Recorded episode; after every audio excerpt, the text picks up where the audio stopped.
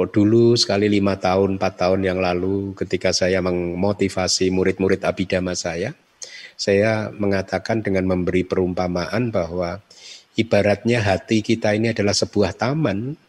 Saat ini taman kita ini masih di, di samping ada bunga-bunganya, tapi juga ada benalunya, ada rumput liarnya yang mengganggu, gitu. Ya, nah eh, bunga-bunga itu adalah kualitas-kualitas hati yang baik milik kita Kemudian benalu rumput liar yang mengganggu keindahan taman itu adalah kilesa-kilesa kita. Nah, bagi tujuan kita adalah membersihkan hati dari benalu, dari kilesa tersebut. Lalu bagaimana caranya? Bagi yang belum bisa bermeditasi mencapai maga dan pala, maka salah satu caranya ya menanami hati Anda itu sebanyak-banyaknya dengan bunga-bunga sehingga keseluruhan taman di hati Anda itu penuh dengan bunga dan akhirnya rumput liar dan benalu menjadi semakin terdesak. Meskipun uh, dia tidak bisa dicabut sampai seakar-akarnya, tapi mereka menjadi semakin terdesak. Ya, artinya menjadi jarang muncul atau uh, dengan kata lain kalaupun muncul Anda bisa mengelola atau menghandlenya dengan cara yang bijaksana, dengan cara yang positif. Nah, itu adalah uh, cara yang praktis ya dan salah satu untuk mengisi taman hati itu dengan bunga-bunga ini yaitu ya dengan mendengarkan pembahasan-pembahasan kitab suci seperti yang akan kita sampaikan pagi hari ini ya. Karena kitab suci ya yang disampaikan ini nanti yang akan dibaca oleh petugas nanti adalah suta yang diyakini oleh semua sangga itu benar-benar diucapkan oleh Buddha ya. Dan itu sudah dikonfirmasi di konsili 1, 2, 3, 4 dan 5, 6 sampai 6 ya. Jadi kita pun harus mengembangkan sadar bahwa yang akan kita dengarkan ini adalah kata-kata dari Buddha.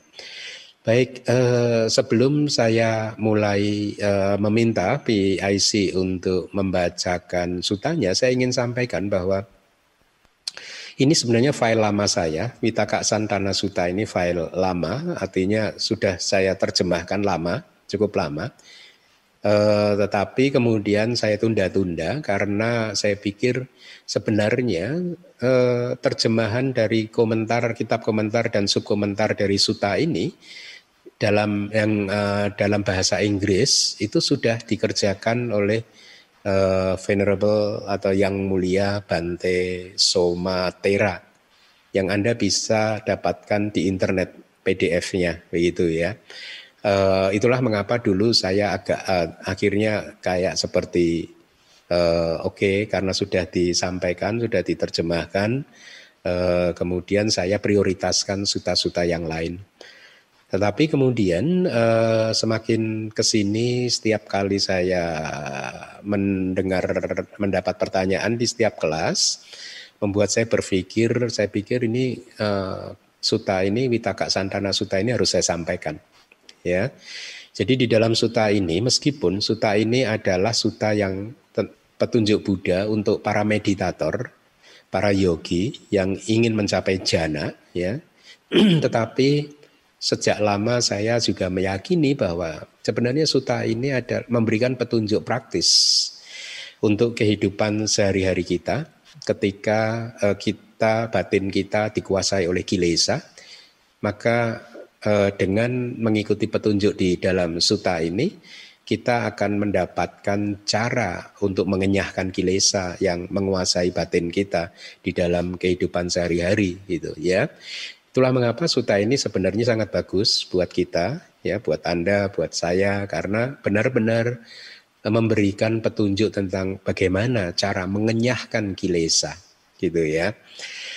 Witaka Santana Suta diterjemahkan dalam banyak terjemahan. Ada yang menerjemahkan tadi uh, the distract distracted thought atau apa gitu bentuk-bentuk pikiran yang mengganggu gitu. Tapi sebenarnya kemarin setelah saya baca lagi kitab uh, eh, kata-kata dan tikanya, judul yang tepat sebenarnya ya penghentian bentuk-bentuk pikiran yang aku salah, yang tidak baik itu bukan yang mengganggu sebenarnya. Itu uh, setelah saya membaca kitab komentarnya, ya. Jadi judulnya adalah khotbah tentang penghentian bentuk-bentuk pikiran yang tidak baik yang aku salah. Baik, eh, silahkan eh, saya minta petugas untuk membacakan sutanya terlebih dahulu. Khotbah tentang penghentian bentuk-bentuk pikiran. Witaka Santhana Sutta.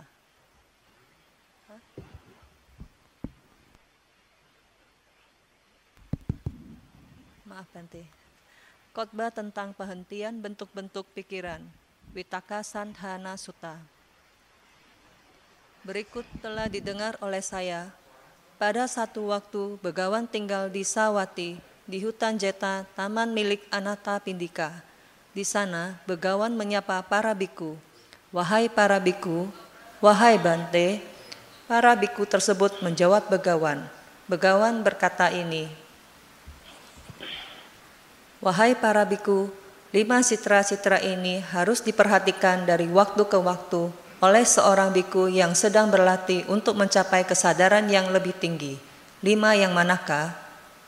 Di sini, wahai para biku, ketika dia memperhatikan sebuah citra yang dikarenakan oleh citra tersebut, pikiran-pikiran yang jahat dan tidak baik yang terkait dengan hasrat, kebencian, dan juga delusi muncul oleh karena itu, maka wahai para biku, dia harus memperhatikan citra yang terkait dengan damai yang baik yang lain dari citra tersebut. Ketika dia memperhatikan citra yang terkait dengan damai yang baik yang lain dari citra tersebut, maka pikiran yang jahat dan tidak baik yang terkait dengan hasrat, dengan kebencian, dan juga dengan delusi lenyap. Mereka pulang ke rumahnya. Baik, uh, ya, saya akan uh, interrupt sebentar ya untuk menjelaskan uh, terminologi uh, mereka pulang ke rumah. Ya tadi di suta dikatakan seperti itu kan bahwa kesadaran yang tidak baik akan pulang ke rumah gitu ya. Uh, kalau tidak dijelaskan nanti Anda akan menjadi salah paham gitu ya. Bahasa palinya itu te abatang ke cantik gitu. Jadi di sini dengan kalimat tersebut hendaknya dipahami bahwa bukan berarti pikiran-pikiran yang jahat dan yang tidak baik itu memiliki rumah gitu ya, tidak ya. E, begini, kita ini makhluk yang terdiri dari lima agregat atau pancakanda kan ya e, dari semua agregat tersebut itu usianya itu sangat singkat sekali sesungguhnya. Lima agregat ini sesungguhnya hanyalah fenomena yang muncul dan lenyap dengan kecepatan yang sangat tinggi sekali setiap saat, setiap momen, ya bahkan di kitab komentar dijelaskan uh, kodik sata sahasa sangka upacitwa nirujanti dan jadi dalam satu uh, eka carakane di dalam satu jentikan jari itu ada satu triliun fenomena mental yang muncul dan lenyap. Bayangkan kalau kita uh, umpamakan saja satu jentikan jari itu uh, satu detik begitu ya. Jadi dalam satu detik itu sesungguhnya lima agregat kita boleh uh, kita mungkin samakan saja antara rupa kanda atau agregat tubuh jasmani, materi dan juga agregat uh, mental batin kita. Kita samakan saja katakanlah kecepatannya meskipun sebenarnya fenomena materi dan tubuh jasmani ini 17 kali lebih lambat dibandingkan fenomena mental atau kesadaran batin kita begitu ya. Tapi anggap saja ya ini sama katakanlah ya. Jadi di dalam satu detik sebenarnya kita ini tubuh jasmani dan batin kita itu sudah muncul dan lenyap selama sebanyak satu triliun. Itulah mengapa di dalam Abhidhamma dikatakan ultimate kematian, kematian yang hakiki sesungguhnya kita ini setiap satu per satu triliun detik meninggal dunia kita ini, gitu ya. Dan uh, kitab Abhidhamma mengatakan bahwa di mana kesadaran atau batin itu muncul, di situ dia juga lenyap. Dia lenyap di situ juga, di tempatnya itu juga. Begitu. Jadi tidak bisa berjalan-jalan ke mana-mana juga tidak bisa, berpindah tempat juga tidak bisa. Di mana dia muncul, di situ dia lenyap. Dengan kecepatan yang sangat tinggi sekali. Dan ketika mereka sudah lenyap, mereka tidak pernah bisa muncul lagi. Mereka tidak bisa muncul lagi. Itulah mengapa sesungguhnya kita ini setiap detiknya itu adalah individu yang baru. Inilah mengapa Buddha juga mengatakan bahwa memahami hal seperti ini juga menjadi cara untuk uh, apa uh, melenyapkan rasa marah, dendam, benci terhadap orang lain dengan menyadari bahwa orang yang kita benci, yang kita mempunyai dendam, itu sesungguhnya adalah setiap detik sudah meninggal. Yang kita benci adalah orang yang kemarin, yang kemarin sudah meninggal. Hari ini dia adalah orang yang baru. Gitu. Jadi tidak bijaksana kalau kita masih marah terhadap orang yang kemarin, kita timpakan kemarahannya pada orang yang hari ini. Karena yang menjengkelkan itu yang kemarin, yang hari ini adalah dia yang baru lagi. Begitu. Jadi pengertiannya begitu. Semua panca uh, pancakanda itu muncul dan lenyap di tempatnya itu juga ya. Tidak bisa berpindah-pindah dan ketika dia muncul uh, lenyap dia lenyap selama-lamanya dan tidak pernah muncul lagi.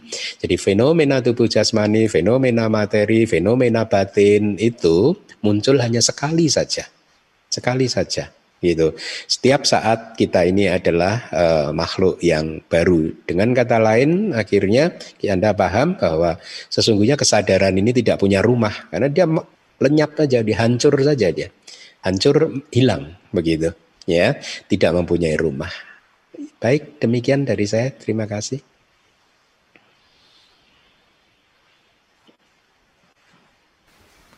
Dengan hilangnya mereka, batin hanya secara internal, kuku, hening, menyatu dan terpusat. Seperti halnya wahai para biku, seorang tukang batu yang ahli atau seorang yang magang padanya harus memukul, melepas dan mencabut sebuah pasak yang kasar dan menggantikannya dengan sebuah pasak yang lembut. Demikian pula halnya wahai para biku, ketika dia memperhatikan sebuah citra yang dikarenakan oleh citra tersebut, pikiran-pikiran yang jahat dan tidak baik yang terkait dengan hasrat, kebencian, dan juga delusi muncul. Oleh karena itu, maka wahai para biku, dia harus memperhatikan citra yang terkait dengan dhamma yang baik yang lain dari citra tersebut. Ketika dia memperhatikan citra yang terkait dengan dhamma yang baik yang lain dari citra tersebut, maka pikiran-pikiran yang jahat dan tidak baik yang terkait dengan hasrat, dengan kebencian, dan juga dengan delusi lenyap. Mereka pulang ke rumahnya. Dengan hilangnya mereka, batin hanya secara internal, kuku, hening, menyatu, dan terpusat. Seandainya, wahai para biku, ketika sedang memperhatikan citra yang lain dari citra tersebut, pikiran-pikiran yang jahat dan tidak baik yang terkait dengan hasrat, kebencian, dan juga delusi masih saja muncul pada biku tersebut, wahai para biku, maka bahaya dari pikiran-pikiran tersebut harus diselidiki oleh biku itu. Jadi, pikiran-pikiran ini adalah tidak baik, tercela, dan juga memberikan penderitaan sebagai resultannya. Ketika bahaya dari pikiran-pikiran tersebut telah diselidiki, maka pikiran-pikiran yang jahat dan tidak baik yang terkait dengan hasrat, dengan kebencian, dan juga dengan delusi lenyap. Mereka pulang ke rumahnya. Dengan hilangnya mereka, batin hanya secara internal, kuku, hening, menyatu dan terpusat. Seperti halnya wahai para biku, seorang perempuan atau seorang laki-laki yang masih kecil dan muda, serta memiliki sebuah perhiasan, pasti akan panik, malu dan jijik ketika bangkai ular, bangkai anjing, atau bangkai manusia dikalungkan di lehernya. Demikian pula halnya wahai para biku, ketika dia memperhatikan sebuah citra yang dikarenakan oleh citra tersebut, pikiran-pikiran yang jahat dan tidak baik yang terkait dengan hasrat, kebencian, dan juga delusi muncul. Oleh karena itu, maka, wahai para biku, pikiran-pikiran tersebut harus diselidiki oleh biku itu. Jadi, pikiran-pikiran ini adalah tidak baik, tercela, dan juga memberikan penderitaan sebagai resultannya.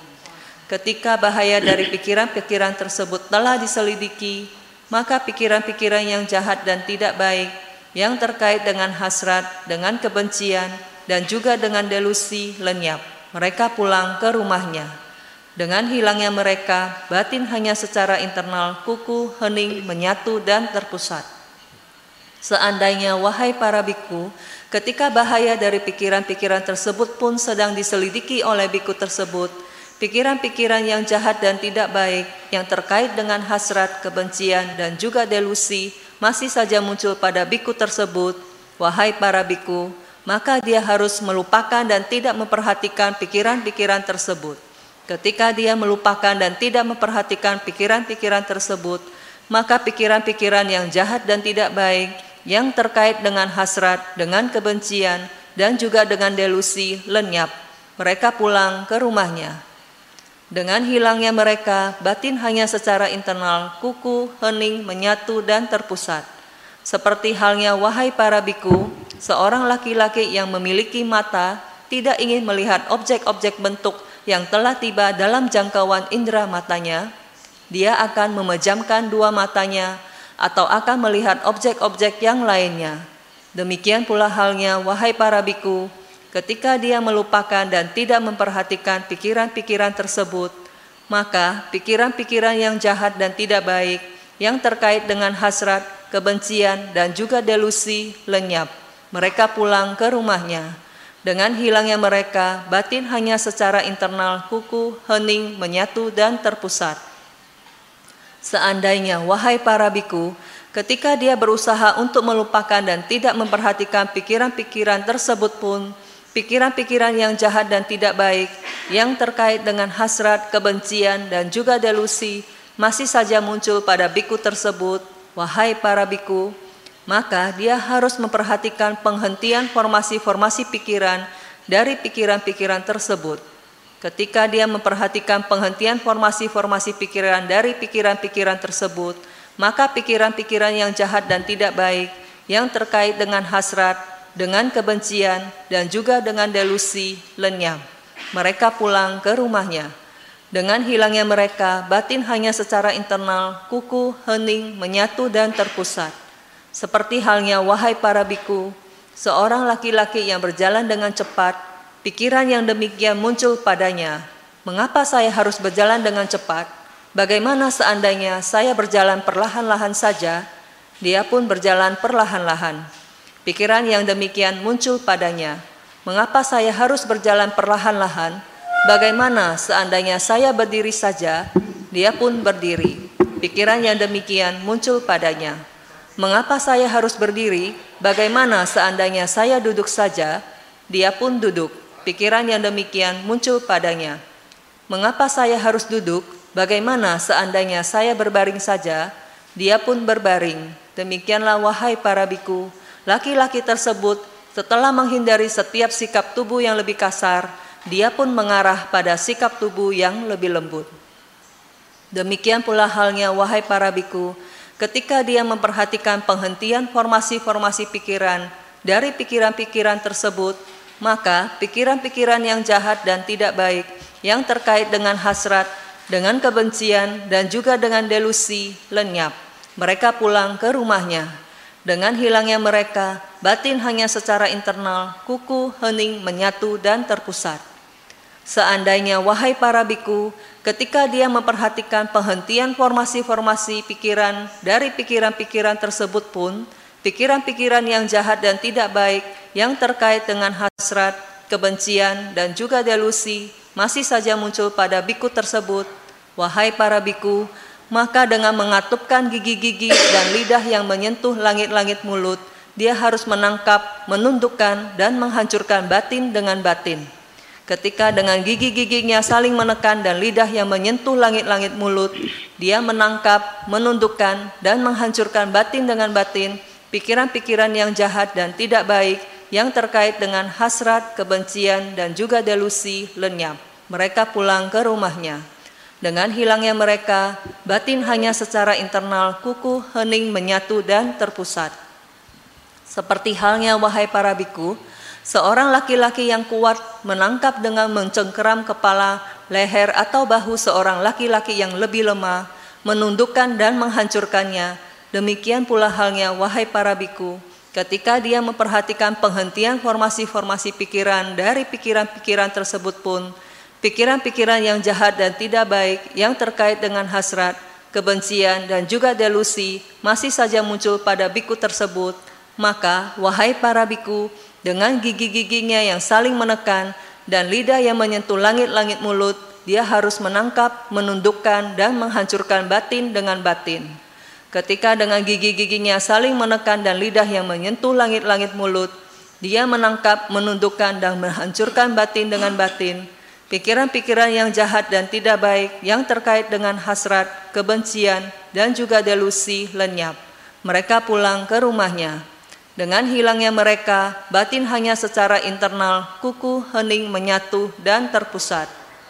Wahai para biku, Ketika seorang biku memperhatikan sebuah citra yang dikarenakan oleh citra tersebut, pikiran-pikiran yang jahat dan tidak baik yamahnya. Dengan hilangnya mereka, batin hanya secara internal kuku, hening, menyatu, dan terpusat. Ketika bahaya dari pikiran-pikiran tersebut diselidiki dan seterusnya, ketika dia melupakan dan tidak memperhatikan pikiran-pikiran tersebut dan seterusnya, Ketika dia memperhatikan penghentian formasi-formasi pikiran dari pikiran-pikiran tersebut dan seterusnya. Ketika dengan gigi-giginya saling menekan dan lidah yang menyentuh langit-langit mulut, dia menangkap, menundukkan dan menghancurkan batin dengan batin, pikiran-pikiran yang jahat dan tidak baik yang terkait dengan hasrat, kebencian dan juga delusi lenyap. Mereka pulang ke rumahnya. Dengan hilangnya mereka, batin hanya secara internal, kuku, hening, menyatu, dan terpusat. Wahai para biku, biku ini dikatakan sebagai seorang yang menguasai jalan aliran pikiran. Dia akan memikirkan pikiran apa pun yang dia inginkan. Dia tidak akan memikirkan pikiran apa pun yang tidak diinginkan. Dia sudah menghancurkan kehausan, membuang belenggu-belenggu, dan mengakhiri penderitaan dengan melalui penembusan kesombongan secara menyeluruh. Itulah yang Begawan katakan, para biku tersebut bersuka cita dan sangat senang pada apa yang diucapkan oleh Begawan. Baik, uh, terima kasih uh, Aling. Itu tadi sutanya, ya, sangat menarik, bukan? Ya. Uh, oleh karena itu, Anda saya sarankan untuk benar-benar e, membacanya berulang-ulang suta tersebut dan tentu saja tidak lupa dengan menjelaskan apa mendengarkan penjelasan yang sesuai dengan kitab komentar. Yang bahasa Inggrisnya sudah ada dari uh, dengan judul yang sama. Anda bisa ketik misalkan commentary to Witaka Santana Sutta by Venerable Somatera PDF itu mungkin Anda akan mendapatkan itu terjemahan bahasa Inggrisnya gitu ya. Nah, eh, menurut saya sutanya saja ya belum mendengarkan penjelasan kitab komentarnya, sutanya saja itu sudah sangat menarik ya. Karena berkaitan dengan tiga hal yang sangat diidam, kita idam-idamkan yang tadi di awal saya sampaikan ya yaitu bagaimana untuk membuat kita ini selalu damai dan bahagia gitu seperti yang tadi di Suta juga dikatakan kan e, seorang biku yang sudah mempraktekkan lima metode itu tadi salah satunya bisa sebenarnya uh, dalam kehidupan sehari-hari uh, mungkin tidak harus lima-limanya begitu. Beberapa dari cara-cara tersebut bisa Anda praktekkan di dalam kehidupan sehari-hari. Di Suta tadi dikatakan biku yang seperti itu yang sudah terampil seperti itu adalah biku yang menguasai jalan pikirannya sendiri. How true it is. Uh, dulu ketika saya masih menjadi uh, belum mengenal agama Buddha, saya pikir pikiran ini tidak bisa di, dikuasai begitu. Artinya tidak bisa diarahkan, tidak bisa dikendalikan ya, tidak bisa bahkan dibersihkan dari kilesa-kilesa. Itu dulu kepercayaan saya. Ya memang sudah namanya takdirnya manusia dilahirkan itu ya pasti hatinya kotor masih punya kilesa. Ya. Tapi ternyata ketika dan itulah mengapa saya tertarik dengan ajaran Buddha karena ternyata pandangan saya itu salah. Pikiran ini bisa dibersihkan, hati ini bisa dibersihkan, Anda pun bisa, siapa pun bisa, ya, siapa pun. Jadi tidak hanya uh, dibatasi untuk umat Buddha saja, tetapi siapa pun pikiran ini bisa diatur, dikendalikan gitu ya, bisa dibuat bersih gitu. Nah, di suta tadi Buddha menyampaikan ada lima metode ya eh, yang eh, saya merasakannya itu sangat efektif ya eh, karena saya juga sering mempraktekannya gitu. Eh, yang bisa kita gunakan bisa anda gunakan eh, di dalam kehidupan sehari-hari meskipun sutanya sendiri tadi merujuk kepada seorang biku yang sedang berjuang untuk mencapai jana gitu. Ya. Uh, uh, saya mungkin agak menyimpang sedikit karena uh, ketika membahas poin jana gitu dari penelusuran saya gitu ya setelah sekian banyak mempelajari Tipitaka kitab komentar dan subkomentar ya itu sangat sedikit sekali referensi yang menunjukkan bahwa kita bisa bermeditasi tanpa jana itu sangat sedikit sekali.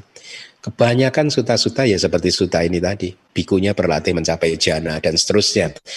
Dengan kata lain, pencapaian jana itu fundamental, instrumental itu untuk wipasana begitu ya. Nah, jadi suta ini e, diajarkan kepada para biku yang sedang bermeditasi untuk mencapai jana, tetapi bagi Anda yang sering retret, Anda mengerti bahwa ketika retret, sering kali pikiran-pikiran Anda itu e, yang muncul adalah pikiran yang aku salah, atau dalam bahasa suta tadi adalah yang papak dan aku salah, yang jahat, dan pikiran yang aku salah, yang tidak baik, yang sering muncul uh, saya juga uh, tahu bahwa ada juga banyak yogi-yogi yang ketika retret dan ketika pikiran yang jahat dan yang tidak baik itu muncul, mereka berjuang dan tetap saja mereka tidak bisa untuk mengenyahkannya. Ya, tidak berhasil untuk melenyapkan pikiran-pikiran yang jahat dan pikiran-pikiran yang uh, tidak baik. Ya, saya rasa banyak juga dari Anda di dalam kehidupan sehari-hari juga banyak yang mengalami kesulitan untuk mengenyahkan, mengusir, menghancurkan, melenyapkan pikiran yang jahat dan tidak baik yang uh, muncul ya. Jadi uh, karena suta ini bisa dipak praktekkan juga di dalam kehidupan sehari-hari, makanya kemudian saya putuskan untuk menyampaikannya kepada Anda. Bahkan mungkin kalau ada yang mengalami depresi ringan gitu begitu atau berat, mungkin suta ini menjadi efektif juga untuk mengatasi depresi mereka itu ya. Nah, mari kita lihat kata-katanya. Tadi dikatakan, oh ya, uh, itu terus saja sudah saya sampaikan. Yang berikutnya mungkin yang sedang berlatih untuk mencapai kesadaran yang lebih tinggi, begitu, uh, tidak ada ya. Oke. Okay. Uh, jadi tadi di Suta disampaikan kalimat begini bahwa uh, pada para biku yang sedang berlatih untuk mencapai kesadaran yang lebih tinggi ya. Kesadaran yang lebih tinggi kitab komentar menjelaskannya eh, Mahagata itu adalah kesadaran yang muncul atau kesadaran yang lebih tinggi dari kesadaran yang muncul melalui 10 jalan kama baik ya. Eh, jadi itu definisinya pertama yang harus Anda pahami Kesadaran yang lebih tinggi itu adalah kesadaran yang lebih tinggi dari dari siapa? Dari kesadaran sehari-hari kita ini. Bahkan dikatakan di kitab komentar lebih tinggi dari kesadaran yang muncul ketika Anda melakukan 10 karma baik. Ya. Ketika Anda melakukan 10 karma baik yang muncul pada saat itu adalah kesadaran maha kusala, kesadaran baik yang besar, ya. Dia kesadaran baik tetapi masih ada kesadaran yang lebih tinggi dari itu, yaitu apa? Kita komentar menjelaskannya delapan pencapaian jana ada sama pati bahasa palinya. Tapi yang menarik kitab komentar juga menjelaskannya begini, delapan pencapaian jana ini adalah fondasi untuk wipasana. Jadi ini penting sekali.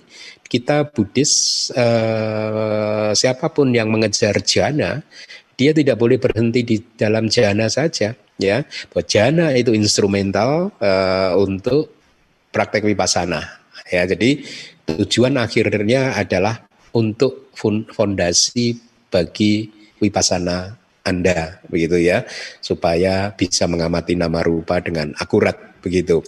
Nah, itu tadi definisi untuk kesadaran yang lebih tinggi ya. Nah, sekarang Anda tahu kesadaran sehari-hari kita ini bahkan ketika Anda melakukan 10 karma baik itu memang baik tetapi masih ada kesadaran yang secara terminologi pun diistilahkan sebagai kesadaran yang lebih tinggi ya. Sebenarnya istilahnya maha gata. Gata itu gone ya. Maha itu great, jadi gone to the great ya. Kesadaran yang telah pergi ke keadaan yang hebat, yang besar itu.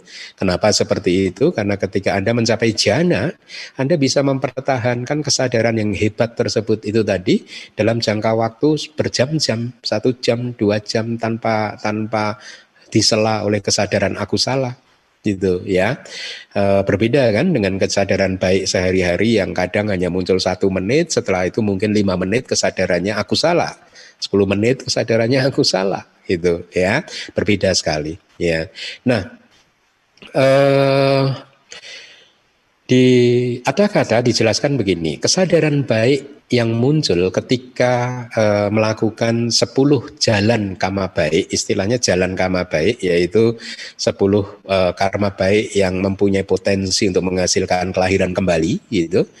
Itu e, hanyalah kesadaran kata kitab komentar hanyalah kesadaran untuk pencapaian basis di dalam siklus kelahiran kembali. Apa itu basis di dalam siklus kelahiran kembali? Yaitu supaya dengan karma-karma baik itu harapannya kalau berbuah dan menghasilkan kelahiran kembali, maka Anda akan terlahir di alam yang bahagia dengan kehidupan yang nyaman. Itu adalah 10 karma baik.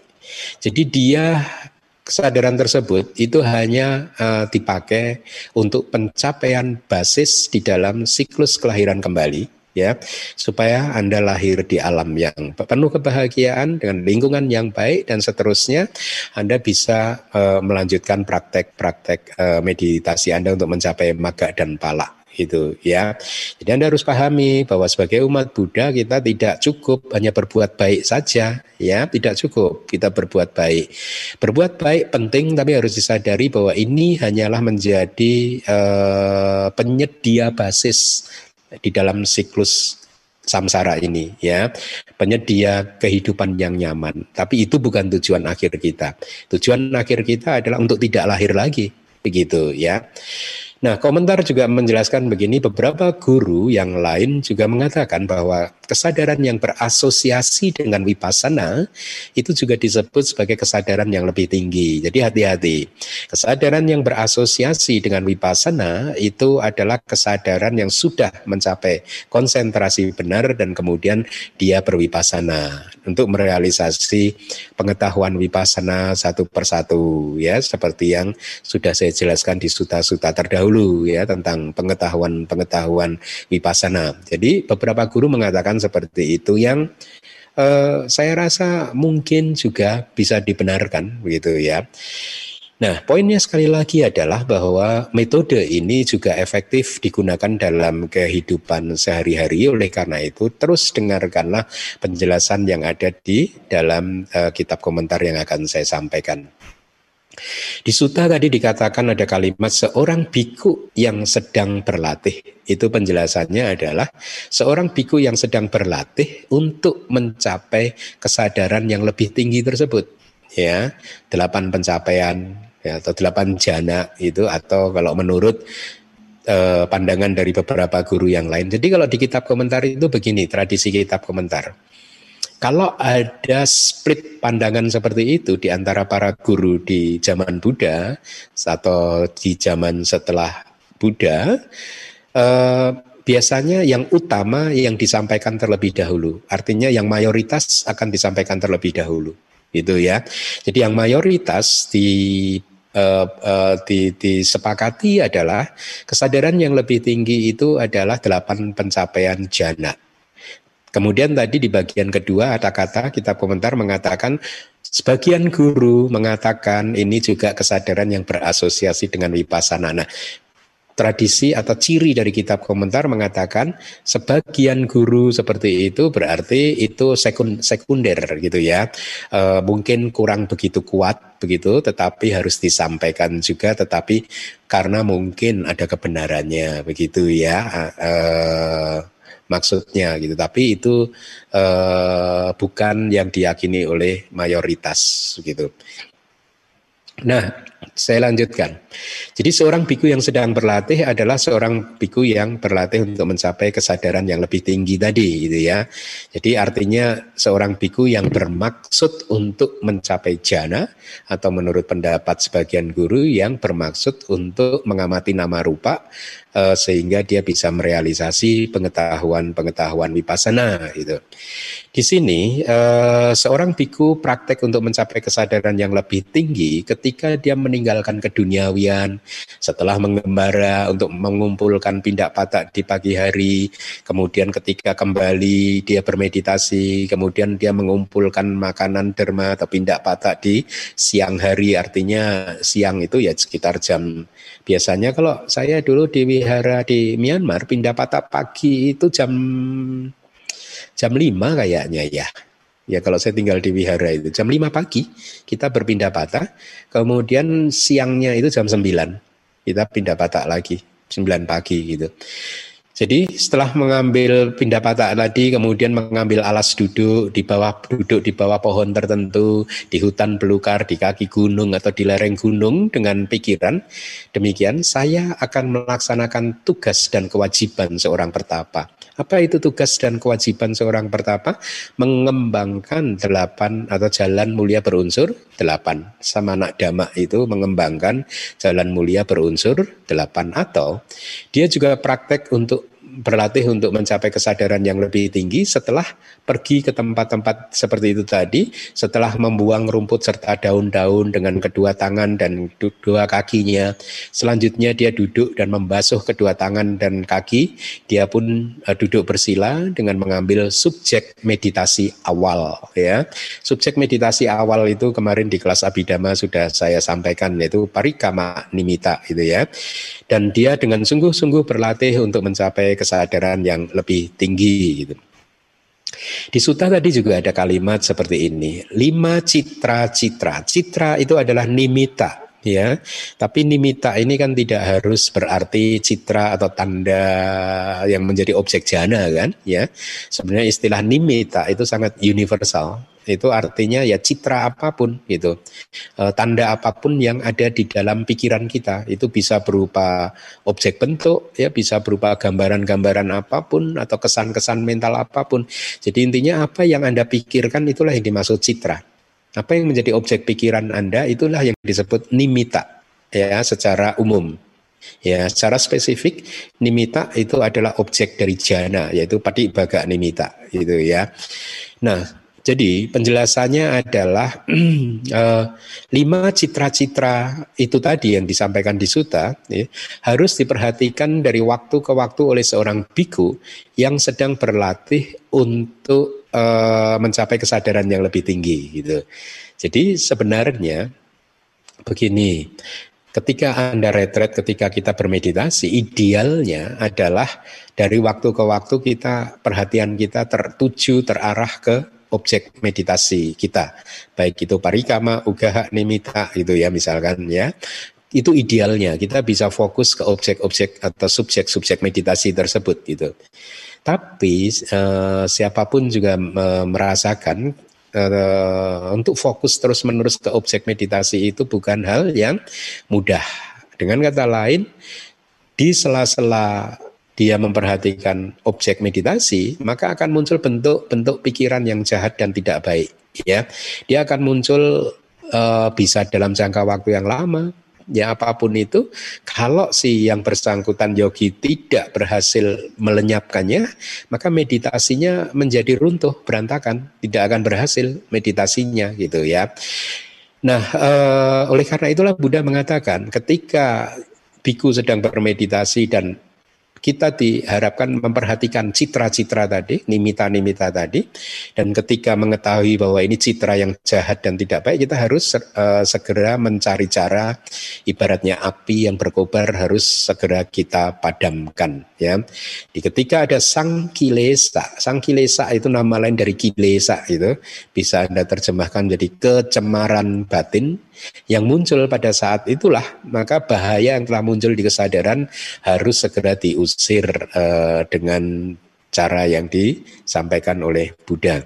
Nah, di sini wahai para biku, ketika dia memperhatikan sebuah citra, demikian tadi di sutanya, yang dikarenakan oleh citra tersebut, pikiran-pikiran yang jahat dan yang tidak baik yang terkait dengan hasrat yang pertama itu ya, artinya hasrat itu adalah cetasika loba, keserakahan ya.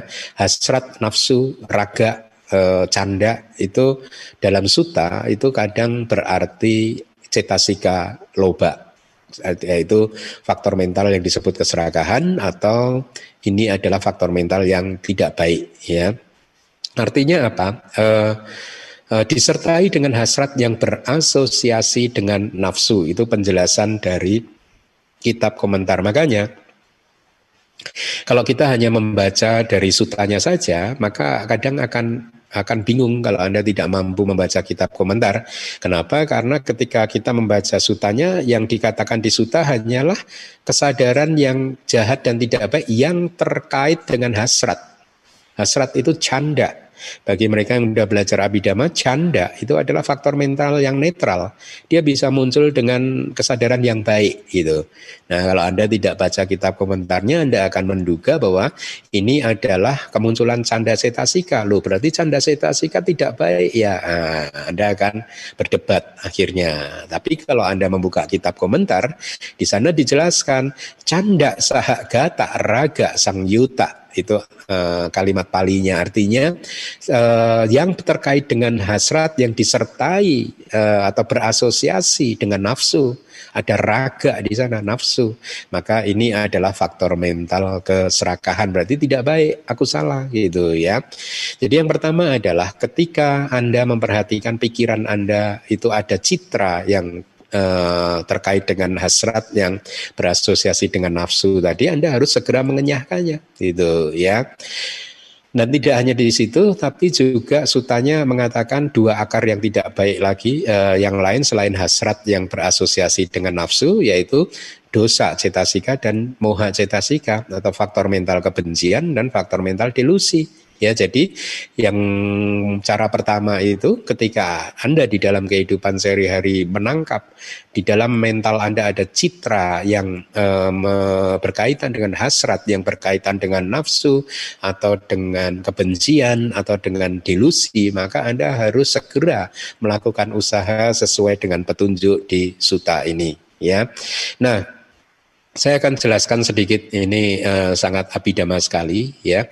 Jadi uh, di dalam uh, abidama itu uh, batin kita ini, kesadaran kita ini ya atau semua makhluk kalau dikumpulkan itu jumlahnya itu ada uh, 89 atau kalau diurai sesuai dengan pencapaian jananya ada 121 jenis kesadaran siapa pun yang mencapai sudah mencapai maga pala jana itu ya kira-kira ya 121 variasinya ya Nah, eh, dari 89 jenis atau 121 kesadaran tadi, ada 12 jenis kesadaran yang tidak baik, yang aku salah, yang jahat, ya.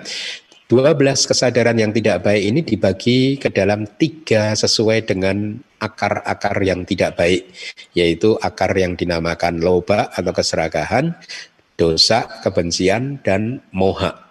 Nah, kesadaran yang berakar pada keserakahan itu ada delapan variasinya atau jenisnya. Kesadaran yang berakar pada kebencian ada dua.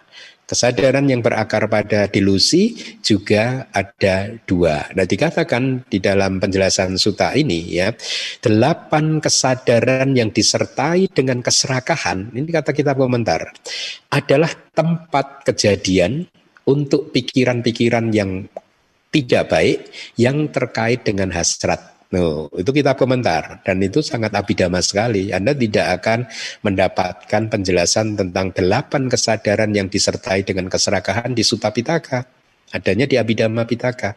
Jadi tidak benar untuk memilah-milah, membedakan, mendikotomikan Sutta dan Abhidhamma.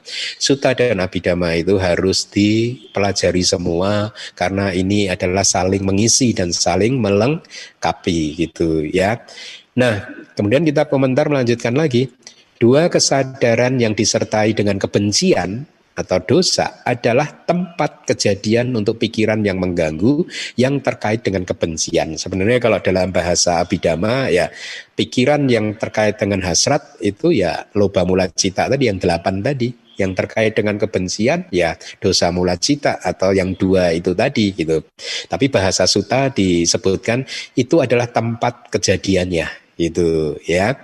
Nah selanjutnya kitab uh, komentar juga menjelaskan bahwa tempat kejadian untuk uh, pikiran yang berkaitan dengan delusi ada pada dua kesadaran yang berakar pada delusi gitu ya.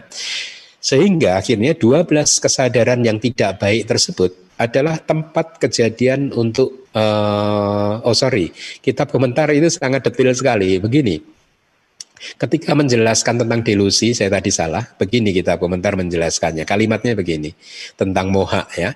Bahkan 12 kesadaran yang tidak baik itu adalah tempat kejadian untuk pikiran-pikiran yang mengganggu yang terkait dengan delusi ya yang paham abidama mengerti karena delusi atau moha ya atau sering di Indonesia diterjemahkan menjadi kebodohan yang saya tidak setuju ya.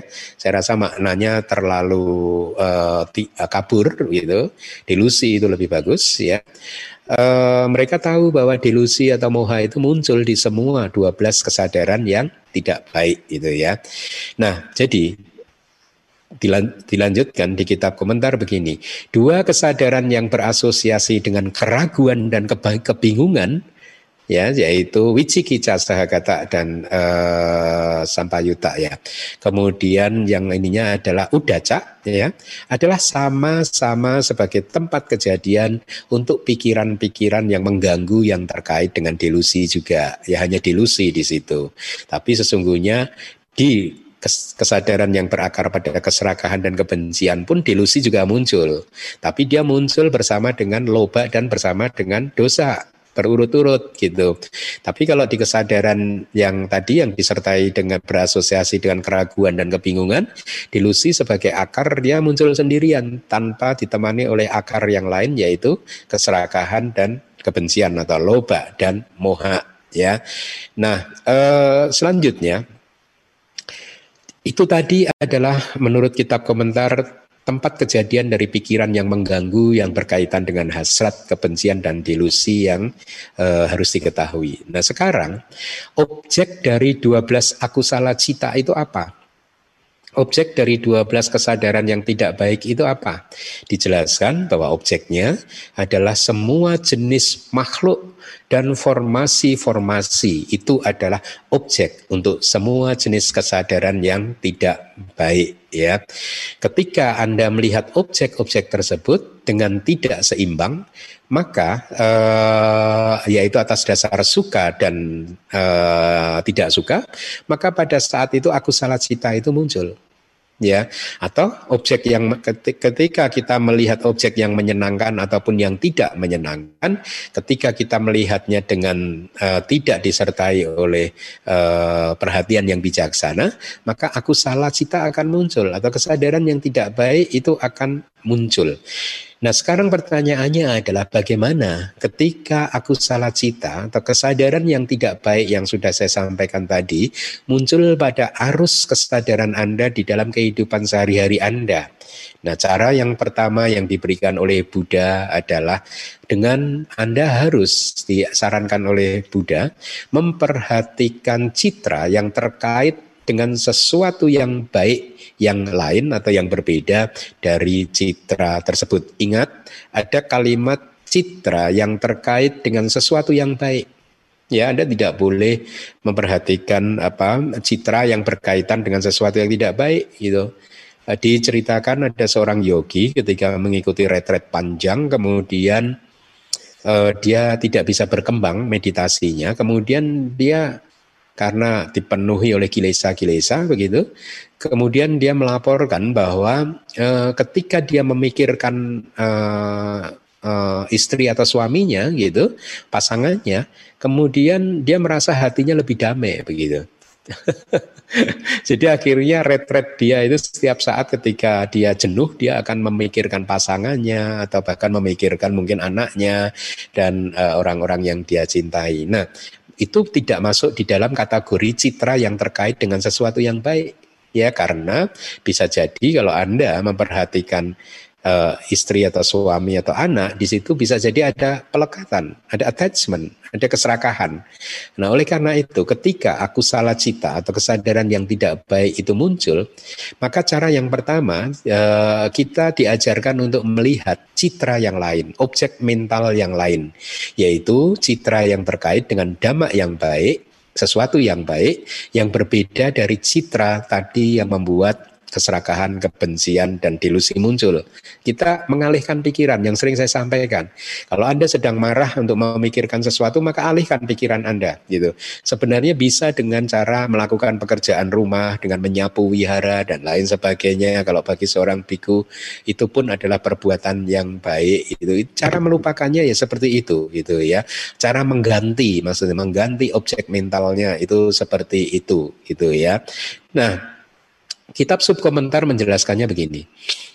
Citra yang baru yang berbeda dari citra yang menyebabkan lahirnya pikiran-pikiran yang jahat dan tidak baik tadi yang berbeda dari itu seperti pikiran yang terkait dengan hasrat-hasrat uh, itu uh, ya uh, itu tadi penjelasannya begitu. Jadi ini damak-damak uh, yang baik itu dijelaskan di dalam kitab komentar yaitu tadi Anda harus mengambil citra yang uh, berbeda begitu intinya begitu berbeda dengan citra yang menyebabkan raga kes, uh, hasrat yang berasosiasi dengan nafsu atau kebencian atau delusi muncul. Nah di suta tadi ada kalimat dia harus memperhatikan citra yang terkait uh, dengan damak yang baik yang lain dari citra tersebut. Penjelasannya adalah sebuah citra yang bersandar pada damak yang baik yaitu sebuah citra yang menjadi sebab untuk kemunculan kesadaran yang baik ya apa itu citra tersebut ya bisa saja anda mungkin langsung kalau di rumah ada Buddha rupa gitu ya Buddha rupang gitu Buddha rupa sebenarnya lebih bagus lebih tepat. Uh, Buddha statue ya. Anda bisa sambil memandang Buddha statue mungkin sambil membacakan uh, ke, uh, Buddha guna gitu keutamaan keutamaan kualitas Buddha atau Anda bisa mengambil Tipitaka membacanya ya atau kalau Anda tidak punya Tipitaka Anda dengarkan penjelasan-penjelasan suta yang sesuai kitab yang ada di kelas Pariyati Sasana ini karena ini adalah juga Tipitaka ya atau Anda datang menemui sangga gitu eh, dan lain-lain gitu dan atau mengambil objek sangga tertentu sebagai citra yang baik uh, untuk menggantikan citra yang memunculkan kilesa tadi. Ya, jadi objek-objek yang baik tersebut itulah yang diperhatikan, artinya harus ditempatkan di dalam kesadaran, harus direnungkan kalau Anda sedang bermeditasi, diingat-ingat terus di, di, di apa pusatkan perhatian Anda ke objek-objek tersebut gitu sehingga akhirnya arus rangkaian kesadaran Anda akan berubah dari yang tadinya tidak baik menjadi tidak uh, berubah menjadi baik gitu ya. Nah, penjelasan untuk citra yang lain itu seperti ini. Ketika pikiran yang mengganggu yang terkait dengan hasrat atau loba tadi, keserakahan telah muncul terhadap makhluk. Kan tadi ada dua kan. Kalau kilesa itu muncul terhadap makhluk atau kalau kilesa itu muncul terhadap formasi-formasi. Formasi itu ya eh, apa pun yang bukan makhluk ya termasuk mungkin eh, apa apa pun apa pun formasi apa pun begitu ya. Eh, termasuk juga mungkin formasi mental juga akhirnya ya ya. Tapi anyway begini ketika hasrat itu muncul berkaitan dengan makhluk maka apa yang harus kita lakukan? Kitab komentar menjelaskan bahwa eh, yogi harus bermeditasi dengan objek mayat ya. Itulah yang dinamakan citra yang lain untuk melenyapkan hasrat yang berasosiasi dengan uh, apa uh, nafsu ya. Jadi itu kalau anda ikut retret hasrat atau nafsu anda muncul maka anda harus uh, bermeditasi dengan mengambil objek mayat. Yang kebetulan di kelas abidama hari Sabtu kemarin sudah saya sampaikan penjelasan dari kitab sub komentarnya begitu ya. Nah Kemudian, ketika pikiran yang mengganggu yang terkait dengan hasrat telah muncul terhadap formasi-formasi ya itu bisa barang-barang atau benda ya eh, itu maka perhatian apa yang harus kita lakukan jadi kalau anda muncul nafsu terhadap uh, barang yang Anda miliki, ya, benda yang Anda sukai, begitu. Apa yang harus dilakukan? Kitab komentar menjelaskannya. Uh, maka Anda harus memusatkan perhatian terhadap ketidakkekalan dari barang-barang tersebut, dari benda-benda tersebut, ya. Itulah yang disebut sebagai citra yang lain ya.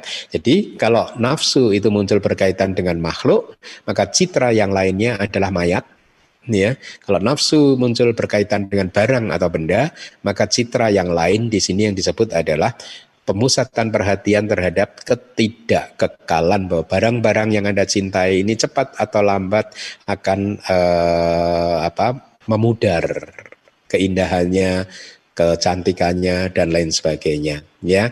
Nah, selanjutnya itu tadi adalah hasrat atau nafsu atau keserakahan atau loba cetasika ya. Ketika dia muncul maka begitulah cara untuk melenyapkannya gitu. Kalau yang muncul itu uh, apa?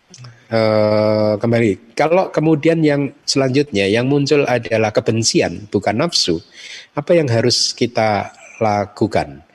Ketika batin Anda dikuasai oleh kebencian, ya, kemarahan, kejengkelan, ya. Eh, bahkan sesungguhnya kalau dalam abidama itu termasuk juga isa, macaria, kukuca gitu, eh, jealousy, kemudian kekikiran, eh, penyesalan, ya. Itu masuk dalam grup kebencian kemarahan begitu ketika hal tersebut e, muncul berkaitan dengan makhluk ya maka Anda disarankan untuk bermeditasi meta bawana atau meditasi cinta kasih. Jadi meta bawana adalah citra yang berbeda itu, citra yang lain ketika uh, dosa, kemarahan, kebencian dan lain sebagainya yang tadi saya sebutkan muncul di dalam arus rangkaian kesadaran Anda gitu ya. Nah, ketika pikiran yang jahat dan tidak baik yang terkait dengan kebencian telah muncul terhadap formasi-formasi barang atau benda, maka apa yang harus dilakukan supaya kita tidak marah terhadap benda-benda tersebut? Kitab komentar menjelaskan perhatian terhadap elemen-elemen itu adalah yang dinamakan sebagai citra yang lain. Jadi kita disarankan untuk memperhatikan bahwa benda yang kita benci, yang kita ingin hancurkan ini sesungguhnya hanyalah terdiri dari empat elemen yaitu elemen tanah, air, api dan elemen angin ya. Nah, selanjutnya di mana pun artinya di mana pun itu berarti baik itu pada makhluk atau pada benda-benda, pikiran yang tidak baik dan jahat yang terkait dengan moha atau delusi telah muncul, maka lima dukungan yang sangat kuat berkenaan dengan dhamma adalah yang dinamakan sebagai citra yang lain. Apa itu lima dukungan yang sangat kuat yang berkenaan dengan dhamma? Kitab komentar dari Sutta ini tidak memberikannya, tetapi saya berhasil mendapatkannya dari uh, uh, sumber yang lain begitu. Jadi seperti yang Anda bisa lihat dengan uh, di layar ya. Jadi ketika delusi atau moha itu muncul ya, kebingungan muncul, keraguan-raguan muncul begitu. Uh, lima dukungan yang sangat kuat berkenaan dengan dhamma atau bahasa palinya panca damu panisaya itu yang pertama adalah keakraban dengan guru. Artinya Anda harus mendekat kepada guru, ya, menanyakannya problem Anda kepada guru dan seterusnya, begitu. Kemudian cara yang kedua bisa dengan cara resitasi dhamma, udesa. resitasi dhamma itu kayak e, mengulang gitu, ya. E, samanera samanera apa? E, satu samanera murid saya dan calon samanera yang ada di sini itu, saya minta untuk menghafalkan uh, Abhidhamma Sanggaha Sepertinya mereka sudah hafal mungkin bab pertama harusnya. Sama Nera udah hafal katanya bab pertama dan udah masuk ke bab yang kedua. Calon sama Nera harusnya juga sudah hafal dan juga saya meminta dia untuk menghafal satu suta dari Majjhima Nikaya gitu. Jadi itulah eh, resitasi itu begitu. Jadi mengulang, eh, mengulang-ulang kalimat di dalam suta ya. Dalam hal ini kepada samanera dan calon samanera yang saya minta untuk diulang adalah bahasa palinya, kalimat palinya gitu. Jadi itulah yang dimaksud resitasi dhamma. Jadi ketika Anda meng uh, meresitasi recite uh, dhamma ya maka bisa jadi delusi akan lenyap atau kalau itu berkaitan dengan keraguan-keraguan atau kebingungan, maka penyelidikan makna dari apa yang sudah Anda hafalkan kaitannya dengan ajaran Buddha harus dilakukan, yaitu yang nomor tiga. Gitu. Kemudian yang nomor empat adalah pendengaran ajaran atau dhamma pada waktu yang tepat. Ketika kilesa muncul, justru pada saat itu Anda harus mendengarkan dhamma. Ya, eh, apa? Dengan mendengarkan dhamma, maka batin Anda menjadi positif lagi, menjadi baik lagi. Kelima adalah pemisahan tentang apa yang merupakan sebab dan yang bukan sebab. Dana, dana, winijaya. Pemisahan atau analisis ini sebab, ini bukan sebab gitu. Itulah mengapa salah satu uh, apa manfaat yang bisa didapatkan oleh seorang yogi yang sudah berlatih adalah pikirannya itu akan otomatis selalu mencari sebab dan akibat. Bahkan di dalam kehidupan sehari-hari, pikiran mereka akan ketika ada masalah apa pun, dia akan secara otomatis pikiran itu akan mencari sebab dan akibat. Ini efek dari wipasana. Ketika dia sudah mengembangkan pengetahuan wipasana tentang hubungan sebab dan akibat, maka tanpa mereka sadari itu terbawa di dalam kehidupan sehari-hari sehingga ketika mereka mendapatkan masalah apa pun, secara otomatis dia akan mencari sebabnya apa gitu dan dia akan terus menyelidiki ini sebab atau bukan, ini sebab atau bukan seperti itu di dalam kehidupan sehari-hari. Nah, dengan demikian moha delusi bisa dienyahkan. Nah, Uh, itu tadi adalah uh, penjelasan yang disampaikan di dalam kitab komentar ya, uh, dan juga beberapa dari sub komentar ya uh, tentang cara yang pertama, yaitu ketika pikiran yang tidak baik muncul di dalam kehidupan sehari-hari ya, meskipun suta ini berkenaan dengan yogi yang sedang berlatih untuk bermeditasi untuk mencapai jana, tetapi saya katakan berulang-ulang uh, di penjelasan ini bahwa cara ini pun sangat efektif, ya. Dan saya sering mempraktekannya di dalam kehidupan sehari-hari, sering-sering mempraktekannya. Itulah mengapa saya bisa mengatakan ini sangat efektif, gitu, ya sangat efektif, ya. Nah, uh, itu yang bisa saya sampaikan uh, penjelasan dari kitab komentar. Semoga dari penjelasan ini Anda bisa mengerti sekarang paling tidak satu cara dari lima cara yang akan disampaikan minggu depan ya uh, tentang bagaimana cara menghandle arus pikiran Anda khususnya ketika pikiran sedang yang tidak baik dan yang jahat sedang muncul. Demikian uh, terima kasih. Sadu, sadu. Anumodana Bante atas penjelasan suta yang telah disampaikan kepada kami. Berikutnya kita akan memasuki sesi tanya jawab. Untuk itu kami akan bacakan tata tertib sesi tanya jawab ini.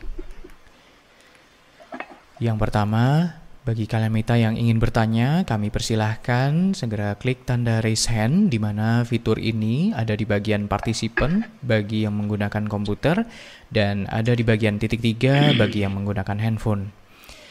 Host yang akan menentukan siapa yang mendapatkan giliran untuk bertanya dan pertanyaan diharapkan sesuai dengan topik ceramah. Bagi kalian mita yang diperbolehkan bertanya, akan di-unmute oleh host, jadi kalian mita tidak perlu melakukan apa pun, dan kami harapkan kalian minta untuk memperkenalkan diri dengan menyebutkan nama dan kota atau negara tempat domisili. Dikarenakan adanya keterbatasan waktu, maka harap maklum apabila tidak semua penanya akan mendapatkan giliran. Supaya memberikan kesempatan kepada semua kalian mita yang ingin bertanya, kami mohon agar masing-masing penanya dapat mengajukan satu pertanyaan terlebih dahulu. Kesempatan pertama kami berikan kepada saudari Shirley. Kami persilahkan.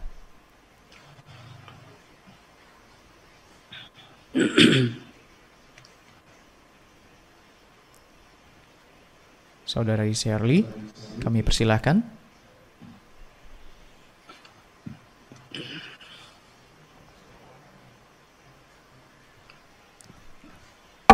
Pemisahan tentang apa yang merupakan sebab dan bukan sebab itu dalam kehidupan sehari-hari seperti apa ya? Karena uh, menurut saya tuh semua akibat tuh ada sebabnya itu aja Bante. Terima kasih. Oh iya, uh, saya agak ini uh, di bagian pertama dari pertanyaan Anda saya tidak mendengar apa-apa atau mungkin bisa diulang atau Pak Handi bisa mengulangnya? Maaf Bante, tadi juga kita di sini tidak terdengar. Boleh uh, oh. Ibu Shirley oh. mengulang pertanyaannya secara lengkap? Ini uh, poin 5 yang tentang lima dukungan yang sangat kuat berkenaan dengan dhamma itu di poin kelima eh, dikatakan pemisahan tentang apa yang merupakan sebab dan yang bukan sebab.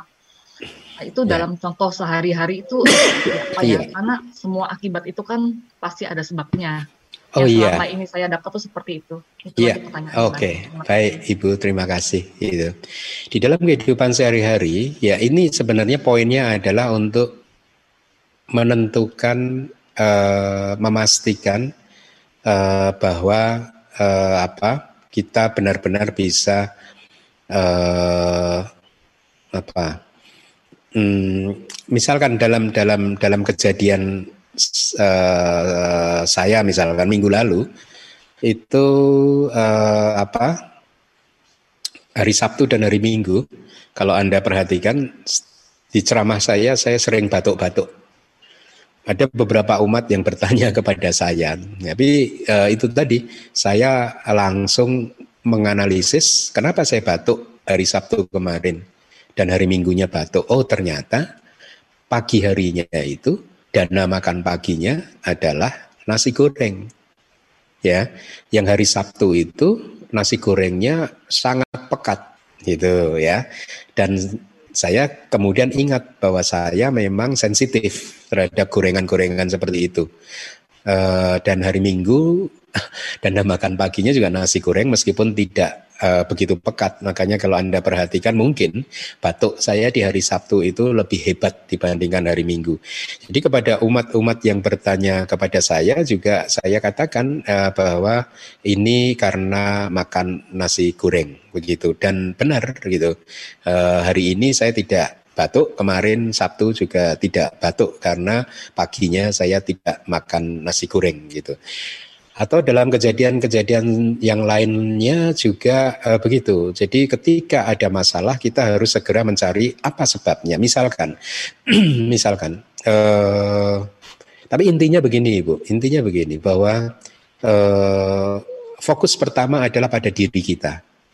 Karena memang sesungguhnya ya orang lain itu tidak pernah menjadi sebab gitu ya uh, orang lain itu seperti yang tadi di awal saya sampaikan mereka itu hanya media untuk kematangan buah dari karma-karma kita itu ya misalkan di dalam kejadian sehari-hari gitu Anda mempunyai perusahaan misalkan seseorang mempunyai perusahaan kemudian karena Anda bosnya Anda memilih uh, orang yang Anda kenal untuk menjadi direkturnya begitu ya.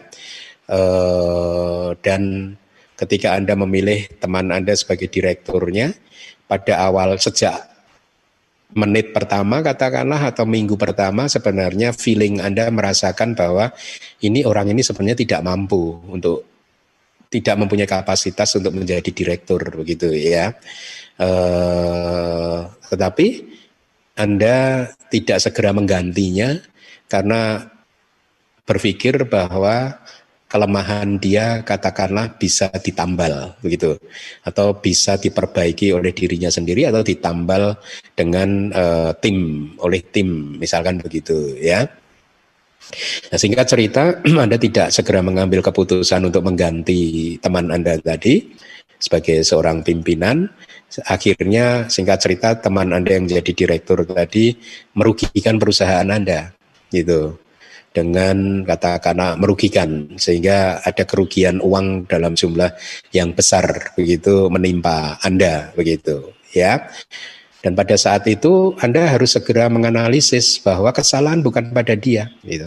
Kesalahan adalah pada kenapa Anda memilih dia satu dan kenapa Anda memilih dia itu juga itu kesalahan di present moment keputusan Anda di saat itu kenapa Anda memilih dia atau kenapa Anda tidak segera mengganti atau Anda juga harus segera menemukan sebabnya yaitu uh, bahwa ini semua adalah buah dari perbuatan buruk yang Anda lakukan di masa lalu itu.